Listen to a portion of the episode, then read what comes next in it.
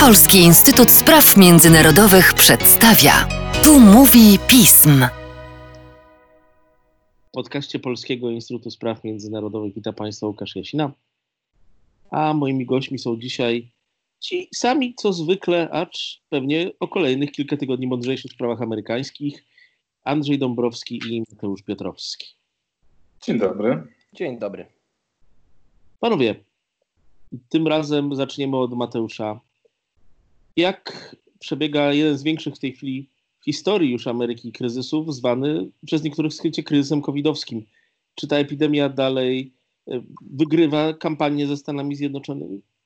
No, właściwie można to tak powiedzieć, że wygrywa, bo w momencie, w którym Europa już jednak jako ogół się raczej rozluźnia, i wraca do normalności poszczególne państwa, jak i ogólnie Unia Europejska sama, tak w Stanach Zjednoczonych właściwie tych restrykcji zaczyna przybywać. Niektóre Stany po raz pierwszy wprowadzają nakazy noszenia maseczek w miejscach publicznych w związku z rosnącymi przypadkami. Tutaj chodzi teraz y, w pierwszej, nazwijmy to fali, chociaż to jest ciągle ta sama fala epidemii. Y, mówiło się przede wszystkim o Nowym Jorku i New Jersey jako takich epicentrach tej epidemii. Teraz to są przede wszystkim Stany południowe, Floryda, Teksas, Kalifornia, Arizona, e, Louisiana, tam przybywa bardzo dużo przypadków. E, rekordowe liczby, po 60 ponad tysięcy dziennie wykrywanych przypadków. Wśród przede wszystkim osób młodych, e, między 18 a 35 rokiem życia, które można tak kolokwialnie powiedzieć są krnobrne i nie chcą się stosować do, do zaleceń unikania zgromadzeń i miejsc publicznych, ale niestety za tym poszła też, poszedł wzrost śmiertelności w ostatnich dniach wykrywano, no, umierało ponad tysiąc osób dziennie, e, co było już e, sytuacją pierwszą od, od maja. Ostatni raz takie liczby były odnotowywane w maju, właśnie w, w krytycznym momencie e, pandemii w Nowym Jorku. Także to na pewno nie jest, nie, nie jest dobra oznaka. Pokazuje to, że jednak przed Stanami Zjednoczonymi raczej jeszcze, jeszcze długi okres, zanim powrócą one do normalności, przynajmniej z takiego czysto medycznego punktu widzenia. Oczywiście sytuacja jest niewesoła, ale to wpływa na amerykańską politykę i nie tylko w takim sensie, w jakim się już do tego przyzwyczailiśmy. Bardzo ważnym elementem amerykańskiej tradycji politycznej są konwencje przedwyborcze dwóch najważniejszych partii. Ta republikańska była już przenoszona, a tymczasem okazuje się, że y, i ta, która się miała odbyć w Jacksonville, jej wersja, nie odbędzie się. Prezydent Trump zdecydował, że jej nie będzie. No tak, na początku zapo, za, wstępnie zaplanowana konwencja była w e, Karolinie Północnej, ale ze względu, iż gubernator i władze stanowe naciskały na to, by wprowadzić pewne medyczne e, obostrzenia i ograniczenie po prostu tej konwencji, Trump podjął decyzję, iż przenosi ją na Florydę, e, która, jak już wspomniałem, jest teraz jednym z epicentrów pandemii. I Trump, zmieniający teraz retorykę, ale o tym jeszcze, mam nadzieję, zdążymy powiedzieć, stwierdza, iż ta konwencja się w Jacksonville nie odbędzie. E, najprawdopodobniej odbędzie się w ograniczonym właśnie stopniu, zgodnie z zaleceniami w, w Karolinie Północnej, bo jakaś raczej odbyć się musi, e, ale w bardzo ograniczonym zakresie. Wczoraj Trump zaskoczył opinię publiczną tym ogłoszeniem, w związku z czym jeszcze żadnych szczegółów nie znamy. Poza tym właśnie, że na Florydzie tej konwencji nie będzie i raczej powróci ona do Karoliny Północnej. Pytanie, jak bardzo republikanie zdecydują się ciąć bo demokraci po raz kolejny ogłosili, że e, swoją konwencję zetną jeszcze bardziej. Już kilka miesięcy temu zdecydowali się, najpierw przenieśli ją o miesiąc, na, tak na sierpień, by była e, w mniejszym odstępie czasu od konwencji republikanów. Zwyczajowo była ona w lipcu. E, I sukcesywnie ścinano liczbę osób, najpierw z 50 tysięcy do 5 tysięcy osób, później do 1000. Teraz mówi się, że łącznie na konwencji będzie obecnych tylko 300 osób i to ze wszystkimi delegatami, oczywiście samym kandydatem i wiceprezydentką, ich najbliższymi doradcami, mediami też. Także to jest tak naprawdę niewielka liczba w porównaniu do tych kilkudziesięciu tysięcy. Pytanie, czy republikanie też zdecydują się na tak radykalne cięcie. To jest prawdopodobnie chyba pierwsze takie ograniczenie uczestników od początku w ogóle tradycji wyborczej konwencji Stanów Zjednoczonych tak duże na pewno tak. Konwencje oczywiście nie, nie są e, obecne odkąd tylko Stany Zjednoczone powstały. Wcześniej e, o gronie kandydatów decydował e, no, wąskie grono najbardziej wpływowych polityków. Raczej odbywały się one na salonach, e, ale odkąd te konwencje się odbywają w takiej publicznej formie, faktycznie e, nie wydaje mi się, by w, w historii amerykańskiej jakiekolwiek wydarzenie wpływało aż tak drastycznie na obcięcie liczebności e, na konwencji danej partii. Mateuszu, czy e, ten powrót poważnych zmartwień związanych z koronawirusem, o ile oczywiście możemy mówić o odejściu kiedykolwiek i powrocie, zmienia podejście administracji? Czy wracają nam te długie konferencje prasowe prezydenta i specjalistów? Konferencje wracają, ale raczej prezydenta niż specjalistów. E, na przykład Antonego Fauciego na tych, na tych konferencjach e, ostatnich, które się od wtorku odbywają, zdążyły się odbyć już trzy, nie uświadczyliśmy jego obecności, e, co wynika z pewnego konfliktu wewnętrznego między Trumpem a nim i też innymi doradcami, którzy próbowali Fauciego dyskredytować. Natomiast same konferencje faktycznie się odbywają, ale zmieniła się bardzo retoryka Trumpa który jeszcze zanim konferencje wróciły w poniedziałek na Twitterze zachęcał do noszenia maseczek. E, tweetował o tym, że noszenie maseczek jest patriotyczne i należy to robić, należy dbać o swoje zdrowie i innych. E, właśnie we wtorek na konferencji mówił o tym, że on zawsze przy sobie ma maseczkę i zakłada ją zawsze wtedy, kiedy jest to konieczne. E, także to jest zdecydowana zmiana podejścia prezydenta do tego. Być może i raczej najprawdopodobniej wynika ona z zachęty ze strony jego doradców by to podejście zmienić, e, bo to negowanie zagrożenia, jakim jest pandemia przy takich liczbach, no nie wpływało pozytywnie na, e, na jego szanse wyborcze. A fakt, że pandemia nałożyła się z protestami społecznymi, do których Trump też podszedł dość radykalnie, no te jego szanse wyborcze jeszcze bardziej zmalały. Stąd zmiana, która być może, no to zobaczymy dopiero w nadchodzących dniach, ale na pewno jest ciepło odbierana teraz przez opinię społeczną została dostrzeżona, więc być może, jeżeli ten, oczywiście ten kurs się utrzyma e, i, Trump będzie skuteczny, że tak powiem, w tym budowaniu przekazu odpowiedzialnego przywódcy, no to być może się to pozytywnie odbije na, na, na, na sondażach. A co trzeba przyznać, i pewnie panowie też mi to przyznacie, wybory coraz bliżej. No to już tylko kilka miesięcy, także jeszcze przeczekamy sierpień jako taki okres powiedzmy e, no, wakacyjny mimo wszystko, ale już po konwencjach tak naprawdę kampania, mimo że dalej będzie uśpiona z powodu pandemii, to jednak kolokwialnie mówiąc ruszy z kopyta. Jeżeli ja mogę dodać tylko do tego, co Mateusz powiedział a propos zmiany podejścia prezydenta Trumpa do, do sytuacji, trzeba pamiętać o tym, że Donald Trump nie robi nic e, i nigdy, co by nie było zgodne z jego interesem politycznym. Także należy zakładać, że w administracji, a zwłaszcza w gabinecie owalnym i w przekonaniu prezydenta Trumpa tej, tej pandemii w Stanach Zjednoczonych nie będzie się dało zwalczyć do wyborów. E, nie będzie się jej dało na tyle ograniczyć, żeby mogli wrócić Amerykanie w pełnym wymiarze pracy do swoich firm, do swoich e, miejsc zatrudnienia i nie będą w stanie wrócić do tej normalności, na którą Trump liczy.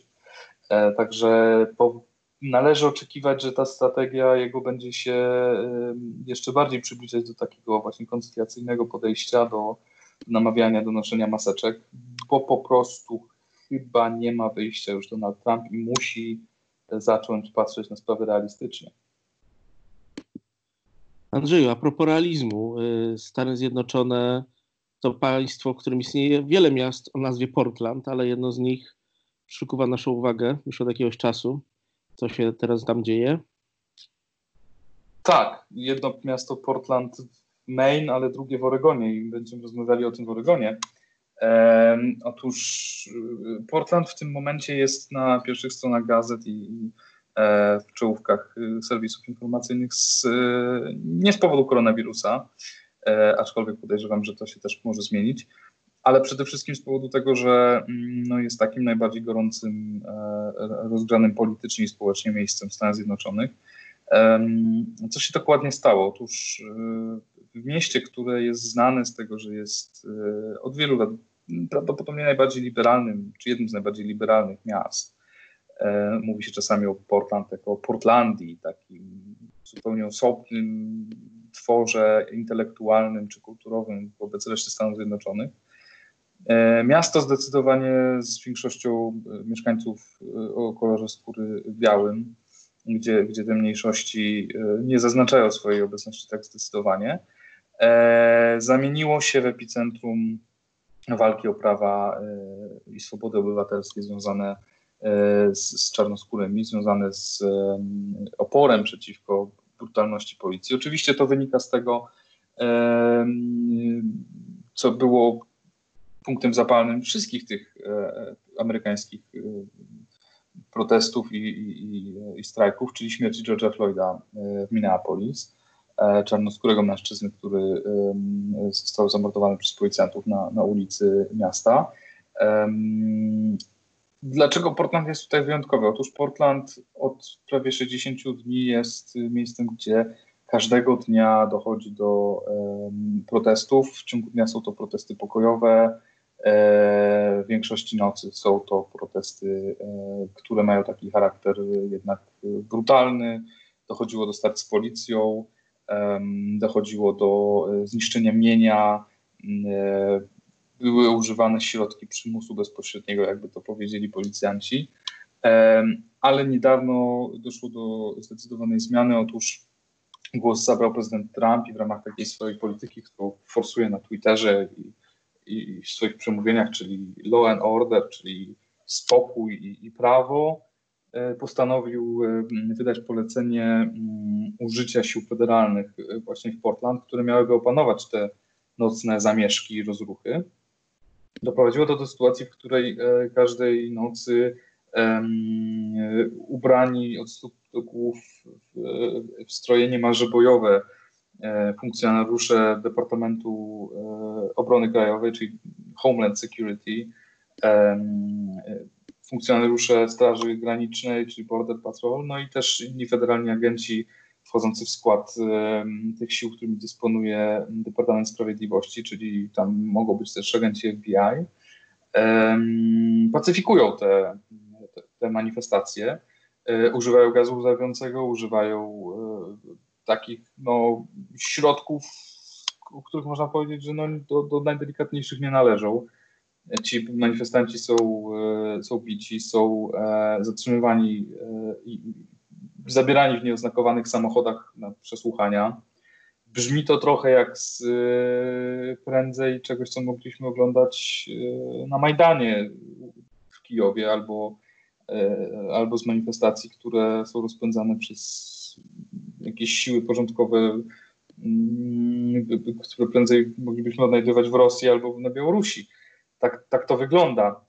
Oczywiście jest to cały czas zgodne z prawem. Gdyby nie było, to, to amerykańskie sądy zablokowałyby możliwość używania tych funkcjonariuszy federalnych w, e, w Portland. E, jest tu pewna ingerencja sądów, ponieważ sądy już zakazały zatrzymywania dziennikarzy, którzy, którzy też byli poddawani takim, takiemu traktowaniu jak pozostali manifestanci. E, I póki co widać, że miasto liberalne, e, opierające się politycznie i społecznie tym ideom, które e, płyną z Białego Domu w administracji Donalda Trumpa, jest takim punktem zapalnym i powoli zaczyna się to rozlewać na, na inne amerykańskie duże liberalne miasta, rządzone przez demokratów swoją drogą.